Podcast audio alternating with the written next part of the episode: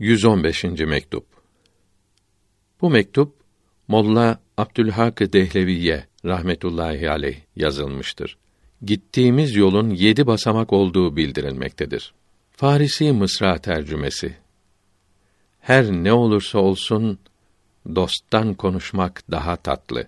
Bizim gitmekte olduğumuz yol yedi adımdır. İki adımı alemi halktadır. Yani madde aleminde, ölçü alemindedir. Beş adımı alemi emridedir. Yani maddesiz, ölçüsüz alemdedir. Alemi emride olan birinci adım atılınca tecelli-i ef'al hasıl olur. İkinci adımda tecelli-i sıfat hasıl olur. Üçüncü adımda tecelliyat-ı zatiye hasıl olmaya başlar. Sonra ve daha sonra ilerledikçe bu tecelliler artar. Tasavvuf yolunda ilerleyenler bu sözlerimizin ne demek olduğunu daha iyi anlar.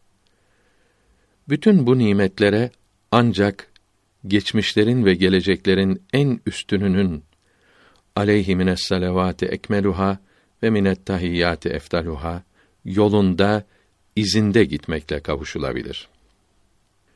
Bu yol iki adımdır diyenler de vardır. Bunlar alemi halk için birinci adım, alemi emr için ikinci adım demişlerdir.